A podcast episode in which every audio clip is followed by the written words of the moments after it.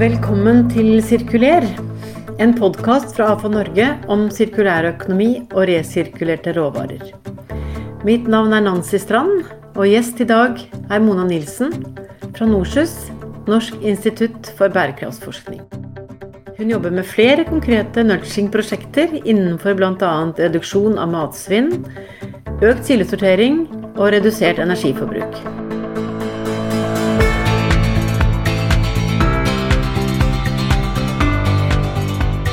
Velkommen til deg, Mona. Tusen takk skal du ha, Nancy. Du, eh, Mona, du har jo jobbet lenge med eh, spørsmål som er knytta til miljø og, og bærekraft og, og, klima. Så hvordan, hvordan begynte dette for deg? Ja, det jeg kan si er at min eh, reise den eh, startet nok i, i gamle SFT. Altså det som i dag er Miljødirektoratet. Og siden jeg er en voksen dame, så skal vi helt tilbake til 1995. Hvor jeg fikk en stilling knytta til dette med miljøstatus i Norge. Og det handla jo om miljøinformasjon ut til folket. Og det vekka en veldig stor interesse for meg, fordi jeg er veldig glad i natur og friluftsliv. Og jeg tenkte at folk bør få vite hvordan miljøtilstanden er der du bor. Så det syns jeg var veldig spennende. Og det vekket interessen og også eh, økte kunnskapen i forhold til hvem er det som har forvaltning, hvem er det som bestemmer, hvilke lover er det. Jeg var veldig opptatt av miljøinformasjonsloven da den kom. Og tenkte at nå skal alle, alle, få informasjon om miljøets tilstand der hvor det bor. Så jeg hadde nok en sånn overtro på, på informasjon og trodde at eh, bare vi ble informert, så endra vi holdninger, og så endra vi atferd. Men etter hvert så viste det seg at sånn er det jo ikke. Så fra SFT så tok jeg med meg dette ut i det private og jobbet med kommuner. Og fremdeles dette brennende ønsket om at dette, nå må dere ut og informere. Og vi koblet på kart og alt mulig sånn. Så det har vært tråden min. Og jeg hadde jobbet i KS med noe av det samme. Jeg startet for meg selv, og så kom jeg da til eh, eh Norsus, tidligere Østfoldforskning, i 2012 med et eget firma, og jobbet også da etter hvert tettere og tettere sammen med forskerne i Østfoldforskning. Og tråden har jo vært miljø og klima hele veien, da. Ja, ja. Du, altså, eh, også når du sier eh, Norshus, som tidligere Østfoldforskning, så vi har allerede plassert deg geografisk i, i Østfold. Og man følger deg i sosiale medier. Eh, så um, er det noe som går igjen, vil jeg si. og det er natur. Um, der er det en dame som er glad i å være ute. Og så er det en som er lidenskapelig uh, interessert i, i, hunder. Og svart labrador må vel uh, Det er, er, vel ingen andre hundrass for deg, tror jeg. Um, så, så, hvordan ble dette med, med hundehold og, og, labrador særlig, da, som jo Hvordan ble liksom det din store lidenskap? Jeg tror eh, at det handler om at da jeg var liten, så hadde nabo, naboen og venninnen min hun hadde hund, og så kunne ikke vi ha hund. Og det var den første labradoren jeg møtte, og jeg syntes den var så fin. Så da jeg ble voksen og fikk bestemme selv eh, det vil si, jeg fikk jo ikke bestemme alt selv, for jeg hadde en samboer. Men etter litt forhandlinger og sånn, så, så kom da vår første hund for 30 år siden. En uh, gul labrador var det, da. Men labradoren har noen egenskaper som jeg identifiserer meg veldig sterkt med. Den er lettlært, energisk, og så gjør den alt for en godbit. Så det var liksom full, full match mellom oss. nettopp. Så siden ja. har det vært eh, mange labradorer, og det kommer snart en til. Ja, nettopp. Da går du fra én til to. Ja. ja. det er uh, Ingenting er, er uh, Man blir glad av å, av å, se dine herlige, herlige bilder. Så um, Og nå jobber du i Nordsjø, som jo er et tungt uh, forskningsmiljø. Og det syns jeg er litt spennende, fordi eh, som du sier, du kom jo inn og var opptatt av informasjon. Men du var også opptatt av, av kommunikasjon, involvere mennesker. Um, og så jobber du i et miljø som, som hovedsakelig er opptatt av forskning og utredningsprosjekter. Og, så hvordan har den matchen vært? Ja, jeg kan si at det startet jo i 2012, hvor jeg var så frimodig at jeg kontaktet Østfoldforskning og lurte på om ikke de hadde tenkt noe på kommunikasjon og forskningsformidling. Og det viste seg at det hadde de for så vidt tenkt på, uh, uten at de hadde gjort så mye med det. Men da var det en slik situasjon at uh, det ble at jeg fikk eh, kontor der, og så hadde jeg et eget firma. Og så hadde vi en målsetning da om å finne felles prosjekter. Og det har vi jo gjort etter hvert. Og grunnen til at Østfoldforskning var spennende, er jo for det første så bor jeg i byen hvor det er ille bra, altså i Fredrikstad. Og Østfoldforskning, Norsus, holder til, har hovedkontor i Fredrikstad. Så det var også en sånn, et sted kanskje jeg kunne finne nettopp de menneskene som også har et sterkt ønske om å gjøre noe for miljø og klima og kloden vår. Og der traff jeg jo den herligste gjengen jeg kan tenke meg, med masse kompetanse, med masse engasjement. Eh, men det jeg også så, var jo at veldig mye av den kunnskapen den ble jo liggende i rapporter som ingen leste. Og det har jo også vært en sånn drøm. Altså hvordan kan vi få formidlet prosjekter, resultater på en mer forståelig måte til andre målgrupper enn forsker til forsker, da. Jeg skal ikke si at dette er noe som går fort, og der har jeg kanskje brukt litt sånn nudging også. Det vil si milde dytt for å motivere da, legge til rette for mer forskningsformidling. Men jeg jobber mm. også mm. mye i i det jeg kaller egne prosjekter, og også samarbeidsprosjekter med forskerne. Eh, I dag så jobber jeg mye med reduksjon av matsvinn. Og jeg jobber med atferdsdesign, nudging og klimakommunikasjon.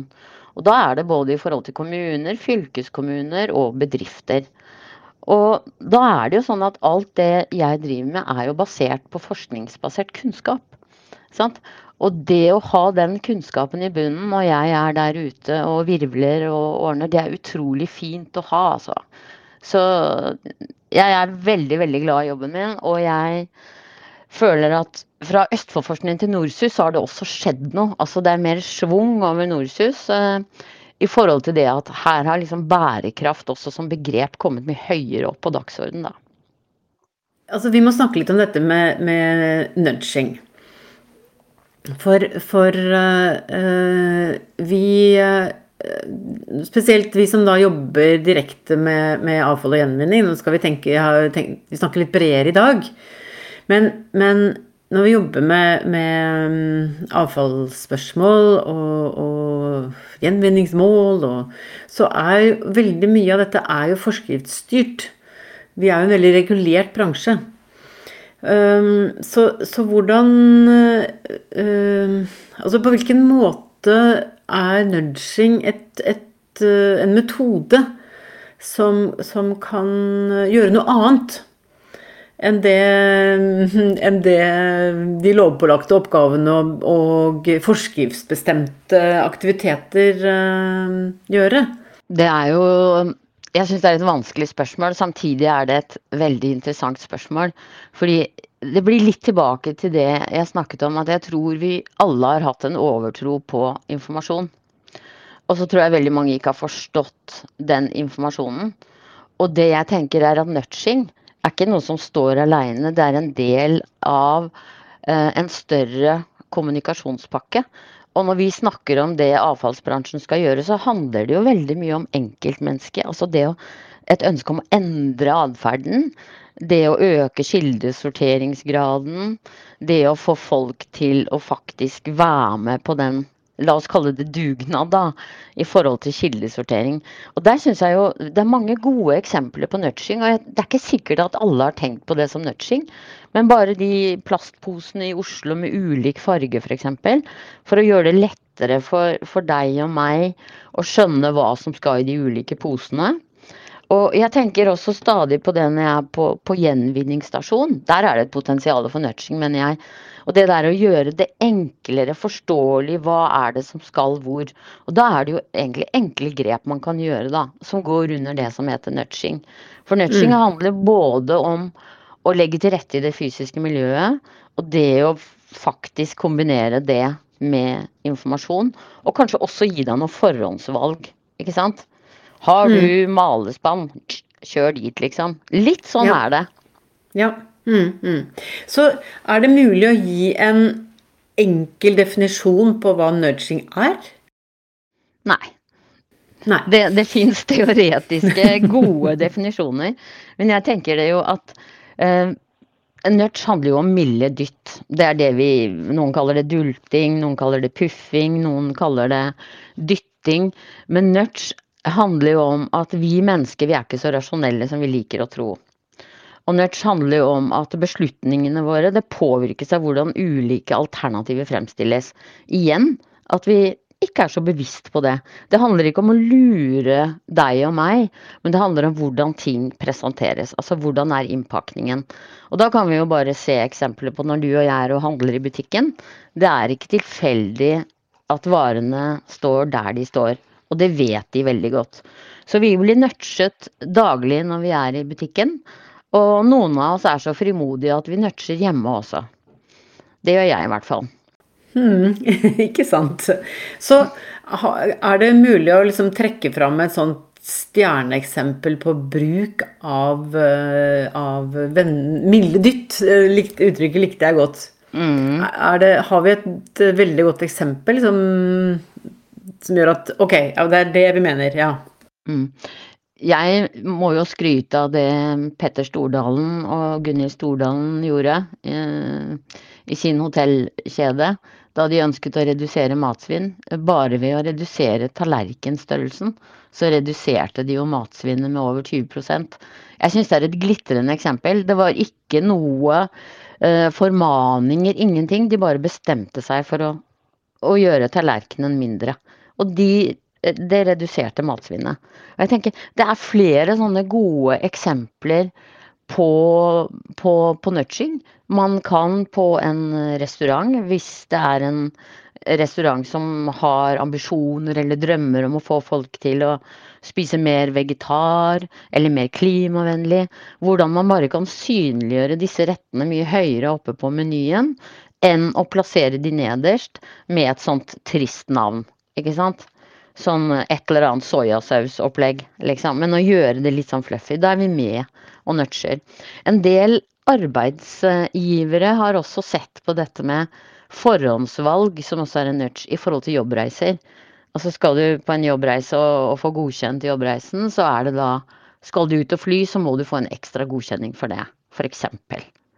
Og sånne ting. Det er sånne små nudge som jeg syns illustrerer godt hva, hva nudging er, da. Mm, ja. Så for at du har jo en bred erfaring, som du var inne på. Du har jobbet eh, i kommuner, fylkeskommuner og bedrifter. Så, men, og hvis vi kan utdype litt det med bedriftene øh, først, da.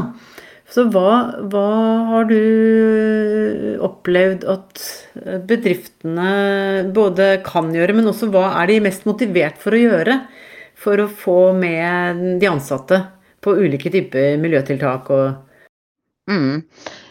Og det er jo et veldig spennende spørsmål, syns jeg. fordi at bedriftene vil jo gjerne ta samfunns- og miljøansvar. Og så hvis vi tenker på dette med bærekraft, så vil de også vise at de, at de er bærekraftige i praksis. Og samtidig så skal jo bedriftene ha en vekst. En økonomisk vekst. Så hvis vi er nederst i trappa, liksom på vei opp i forhold til dette med virkelig å sette bærekraft på dagsorden, så handler det om å rydde opp i eget hus. Og der syns jeg bedriftene er veldig kreative i forhold til nudging, knytta til sånne ting som kildesortering og matsvinn i kantinene sine. Altså bare det Jeg husker bare sånne hyl fra 2014 hvor søppelkassene ble fjerna på kontoret til enkeltpersoner f.eks. At man måtte gå til en sånn felles avfallsstasjon. Og det var jo rett og slett fordi at man ønska kildesortering på arbeidsplassen, og at ikke alt mulig skulle handle i denne ene bøtta da. Men det, for mange var jo dette helt håpløst, at man måtte ut og kildesortere. Og jeg har historier om folk som da syntes dette systemet var så komplisert at de tok med seg avfallet sitt hjem. Og det er jo ikke det man ønsker, da. Men jeg, tenker, jeg syns bedrifter er flinke, og det her kan man også se i sammenheng med, med sånn intern husrengjøring som miljøfyrtårn f.eks. kan bidra til. Men jeg tror også det er det der å motivere de ansatte til å være med på en sånn endring, slik at bedriften også At de føler at de jobber i en bærekraftig bedrift, altså. For det tenker jeg er kjempeviktig at uansett hva vi skal gjøre når vi snakker om endring av atferd eller vi har mål, så er det enkeltmennesket vi forholder oss til. Og det skal vi ha respekt for, syns ja. jeg. Mm. Mm. Men fordi det, det, er en veldig fin overgang til å snakke om kommuner, syns jeg. Fordi For det er på samme måte som, som bedriften eh, både motiverer sine ansatte for å få dem med, men også motsatt. ikke sant? Altså at mm. Eh, de ansatte er opptatt av at de jobber i en bærekraftig bedrift. Og, men kan vi se det samme i kommunen? At, at, innbyggerne er jo faktisk opptatt av at de bor i en, i en, bærekraftig kommune, og at de vil være med på De er motivert for å være med på tiltak, men kommunen må tilrettelegge på en god måte som mm. gjør at de faktisk, uh, at de faktisk uh, følger opp innbyggernes motivasjon. Så er det noen sånn høna og egget-problematikk her? At hvem motiverer hvem? Mm jeg syns også det er et veldig spennende spørsmål. Og så tenker jeg, sånn I forhold til nudging da, så er det noe som heter sosiale normer. Altså det at vi mennesker vi, vi liker å gjøre som de andre gjør. Og, og, der tenker jeg sånn for kommunene igjen i forhold til avfallshåndtering og sånne ting. Og det med å kildesortere avfallet sitt. Altså Hvis du er den eneste i gata som aldri setter ut den sekken med plast f.eks., så kan det gjøre noe med deg, sånn at du automatisk tenker at ok, jeg får være med på dette her, jeg også. Og jeg tror sånne ting i de nærmiljøene er viktigere enn de orda som kommer fra kommunen, som man kanskje ikke skjønner, altså med klimaplan og med Parisavtaler og bærekraftsmål og sånne ting. Men jeg tenker det der som skjer der vi bor, det tror jeg er veldig viktig. Og det er jo kommunen som er avsender av det også. Det er kommunen som legger til rette for denne avfallshåndteringen. Og jeg må si jeg har nurcha veldig mye der jeg bor. Nå er det vel ingen som ikke kildesorterer plasten, og jeg har ikke snakka med noen av dem, men jeg har prøvd å dytte frem disse plastsekkene. Så det er sånne små ting som, som har betydning. Vi ser også Jeg har sett i et prosjekt jeg har jobbet i Sverige med svenske Obos, hvordan eh, vi har lagt til rette hvordan, hvordan kan vi nudge i forhold til borettslag, avfalls, uh, kildesortering, avfallssystemer. Og der testet vi ut i forhold til det å pynte opp dette rommet hvor avfallet da skulle leveres. Og da ble dette en sånn sosial rom, for det rommet ble så pent at ingen ville være med og rote til i det rommet. Og så vidt jeg vet, så holder disse rommene seg like fine enda, altså. Så det blir en sånn sosial norm, og det tenker vi kanskje ikke på som, som nudging eller noe sånt, men det blir å gjøre som de andre gjør, og jeg vil i hvert fall ikke være med være den som roter det til. Og hvis mm. det da er noen som roter til, så kommer jo gruppen av mennesker og sier fy, fy til den ene, sant. Og det har vi ikke lyst til å gjøre. Mm, ja, nei. Men altså, det er klart at, at uh, hvor, hvor, hvor, stor er denne effekten uh, å si, i, i å si, henholdsvis positiv og, og um, negativ retning, da? Er det sånn at uh, må du gjøre mer på den positive siden for å få effekt i forhold til hvor fort gjort det er? Hvis det motsatte hadde vært at man ikke hadde gjort noen ting, og hvis én sorterer feil, eller setter fra seg noe som en gammel stol som skulle vært kjørt til en gjenvinningsstasjon, så ser vi jo hvordan det bare multipliserer seg veldig, veldig fort. Mm. Um, så er det sånn at uh, vi, vi, må, vi, må, gjøre mye mer i den positive retningen for å motvirke eventuelle negative uh, snøballeffekter, eller, eller uh, hvordan er det Hvordan oppnår vi den positive effekten? Mm. Jeg tenker du har helt rett i det, at vi må, vi må være mer på det positive. Det, det opplever jeg i hvert fall har mye større effekt enn enn det negative. Og så er det et interessant spørsmål synes jeg, knytta til dette med hvordan vedlikeholder vi den atferden. Og da har vi jo noe som heter belønningssystemer i hjernen vår og sånn. ikke sant? Vi skal ikke gå inn på, på alle de belønningssystemene.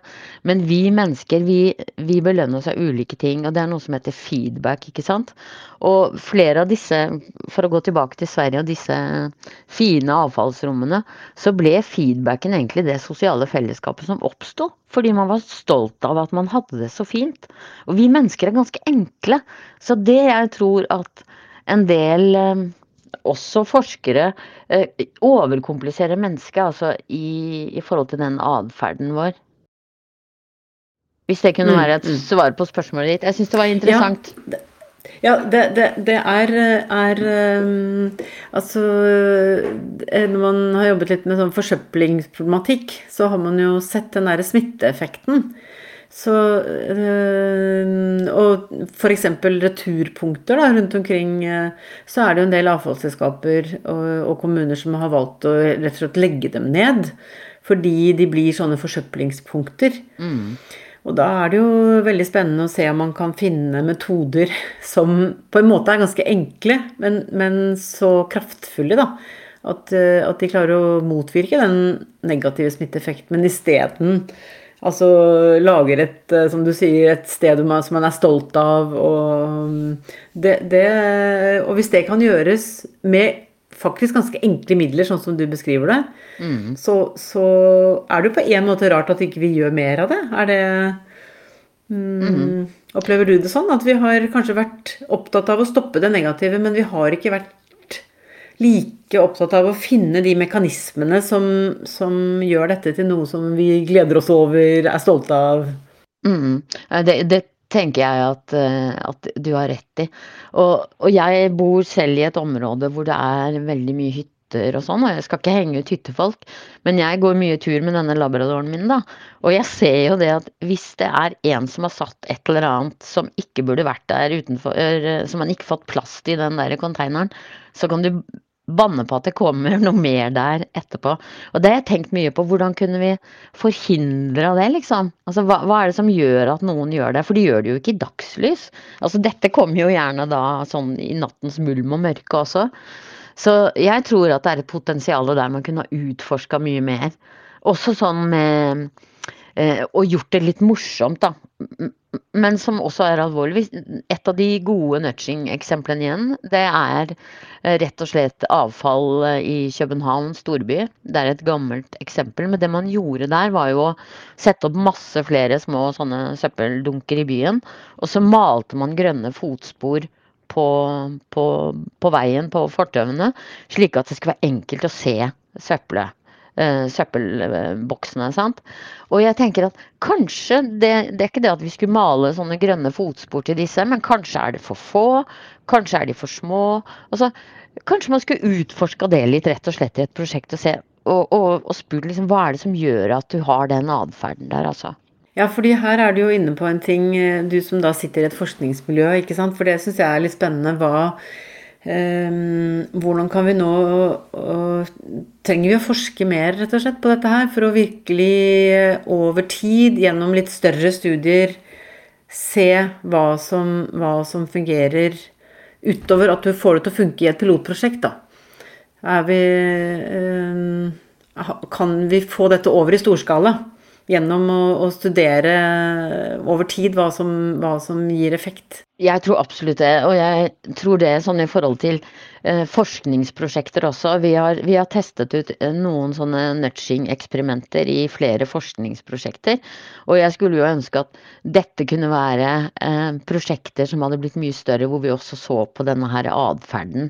Vi har eh, hatt noen prosjekter vi har testa ut nudging i forhold til, til det å kjøpe mat som da ikke har gått ut på dato, men denne her eh, holdbar til-saken. Og det ble kombinert med både fotspor og pent dandert denne maten som da var i ferd med å gå ut. Igjen det ordet pent, ikke sant. Men det ble delikat og fint, og det gjorde jo at disse varene det økte veldig, da. Altså kjøp av dem. Eh, I dag i butikkene så er det jo gjerne en sånn handlekurv som står et eller annet diffust sted i butikken, og det ser ikke delikat ut. og i koronatiden så frister det kanskje ikke å begynne å rote i en sånn kurv. Men jeg tenker at det du er inne på der med større prosjekter, også større prosjekter hvor man kan eksperimentere og teste ut nudging, og, og gi seg lov til å være litt kreativ i forhold til hva er problemet, hva er diagnosen, hvilken atferd er det vi ønsker å løse, og hvordan kan vi teste ut den. Det syns jeg hadde vært veldig spennende. Altså. Og jeg er helt sikker på at det ville gitt noen sånne gevinster som hadde vært, uh, vært spennende. Mm, mm. Så det er et potensial for mer forskning. Absolutt.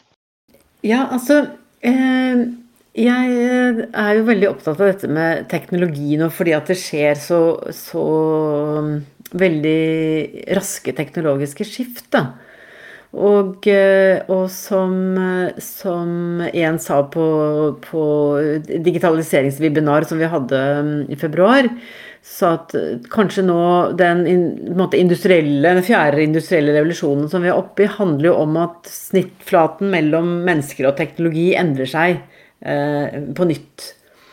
Så et spennende element nå med å se på nudging-metoder i forhold til eh, ny digital teknologi, da. Altså hva er det mest både å si best, eff, mest effektivt, kostnadsmessig, um, men også pedagogisk riktig, hvis jeg kan bruke det uttrykket, i forhold til det å bruke liksom, sensorer, uh, digitale kommunikasjonsverktøy, som for så vidt også kan være en del av, av nudgingen. Altså, men, men uh, robotsortering altså, Det er liksom noe med den snittflaten der. At, uh, at vi må jo vite mer om hva som trigger oss. Som vi som mennesker bør fortsette å gjøre. Mm. For vi, skal, vi, kommer ikke til å overlate alt til teknologien. Men teknologien kommer kanskje til å gjøre mer. Så det er liksom noe med hva, hva hva syns du har vært det viktigste med liksom det å involvere mennesker, da? Uh, involvere folk og, og, få dette også litt uh, Hva skal jeg si for noe? Skape stolthet og følelse av mestring og som du nevnte borettslaget? At det blir et samlingspunkt og Det er jo sånn positivt potensial der i å, å, å, ikke overlate alt dette til digitale teknologier og roboter og og, hva skal jeg si for noe? Eh, digitalisere oss ut av problemstillingen, for å si det sånn. Mm. Ja, jeg, jeg, tenker jo at altså enkeltmennesket igjen eh, er viktig. Og jeg jobber selv mye med reduksjon av matsvinn i omsorgssektoren. Og det er da mennesker som tar vare på beboerne på den siste tiden de har igjen i livet. Og allikevel så er dette mennesker som er opptatt av å redusere matsvinn, og de vil gjøre noe for kloden. Ikke sant? Og når vi jobber med, i den type prosjekter, så handler det veldig mye om å vise hvor mye mat er det de kaster.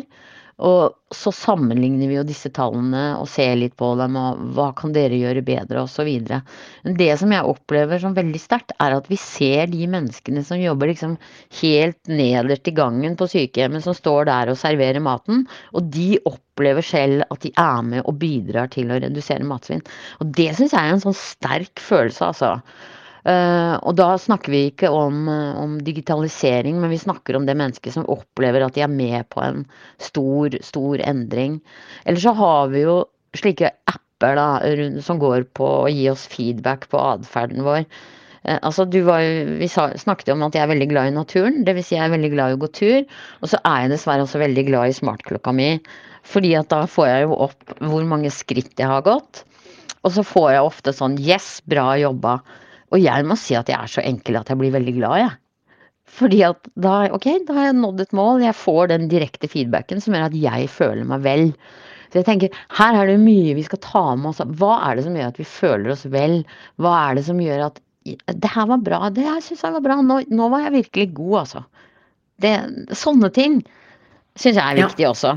Jeg må ja. få lov å nevne et eksempel, eh, Nancy, på, eh, på en nudge som som også var ment å gi feedback. Og det skulle være reklame for et treningssenter.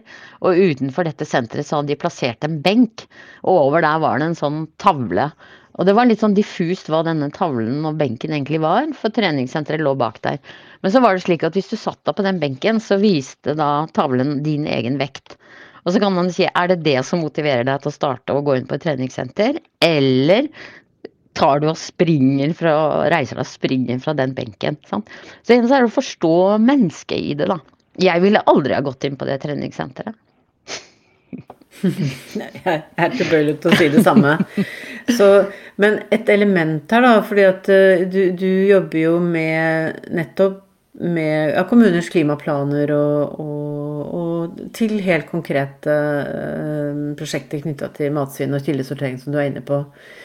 Så hvordan gjør man et, et så stort tema som, som uh, klima uh, til noe som den enkelte relaterer seg til med en positiv følelse. Mm. For det må vel være litt av målet med nudgingen. At, uh, at, at det, du føler at du er med og bidrar.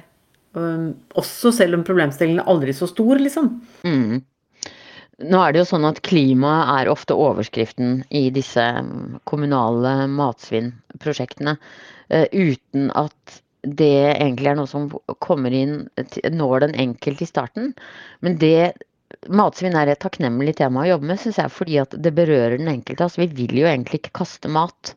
Så vi begynner egentlig veldig på den praktiske biten med å veie, og så ser vi på tallene. Og så begynner vi å snakke om de litt sånn større tingene, ikke sant.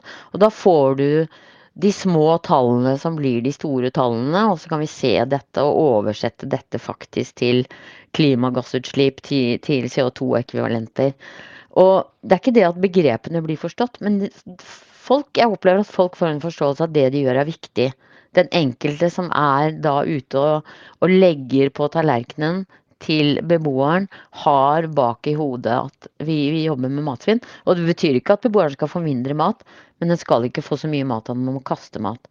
Så det, det, det handler om å gjøre det enkelt, og så kan du fylle på og så gi kunnskap. Og det er jo litt mm. av tanken med, med, med dette med å, å, gå løs på atferden først. Det at ok, kanskje den, den atferden og med feedback endrer holdningene, og så søker du mer i kunnskap. Og så er vi i en helt annen eh, sirkel enn den vi var da vi hadde overtro på informasjon. Mm, ja, mm, ikke sant. Det er, eh, er Det syns jeg er en veldig god utvikling som vi ser, da. Uh, også, også, i vår egen omgang med, med, den kunnskapen vi får om hva som faktisk funker. Så hvordan, eh, hvordan tenker du om, om uh, veien videre nå på dette området her? Ja, det er et stort spørsmål. Men jeg tror Altså, vi ser vel kanskje noe av det sånn i forhold til den situasjonen vi lever i nå med korona og sånn. En del av oss har kanskje endra forbruket, reisemønster og sånne ting. Og så tenker jeg at eh, ikke, ikke, alle, men jeg tror en del vil vurdere trenger jeg å dra på sånne utenlandsferier støtt og stadig. Og det betyr jo endring i transportvaner. Jeg tror vi får en endra arbeidssituasjon, slik at flere av oss kommer til å jobbe hjemmefra. Eh, og så tror jeg også dette her med, som mange har begynt med nå i den tiden her, altså lage mat fra bunnen av, som jo også følger eh, Helserådets anbefalinger, og som også da viser seg å være klimavennlige. Jeg tror vi kan få litt sånne skjulte eh, gevinster. Eh, som vi egentlig ikke har tenkt på. Men det er klart vi står foran store, store utfordringen. Det, jeg syns er positivt, er jo tenker på sånn i forhold til matsvinn, at det er et globalt bærekraftsmål.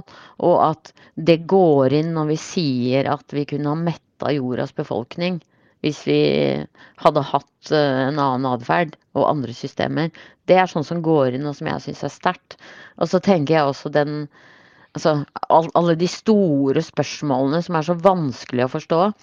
Eh, jeg hørte på Dag Hessen i går morges, og han sa ja, det er håp for oss. Og det han sier er jo det at vi har alle et ansvar. Og det er jeg enig med han i, altså. Ja. Du, det må bli siste ord i dag. Og så tusen takk, eh, Mona, for at du ble med i AFO Norges eh, podkast. Tusen takk til alle som har hørt på, og takk til vår produsent Håkon Bratland. Så har du spørsmål eller kommentarer og innspill, så send det gjerne til vår e-post sirkuler at afonorge.no. Og da vil jeg få lov til å takke for at jeg fikk lov å komme, og takke for en veldig god samtale med deg, Nancy. Tusen hjertelig takk. Ha det riktig bra, alle sammen.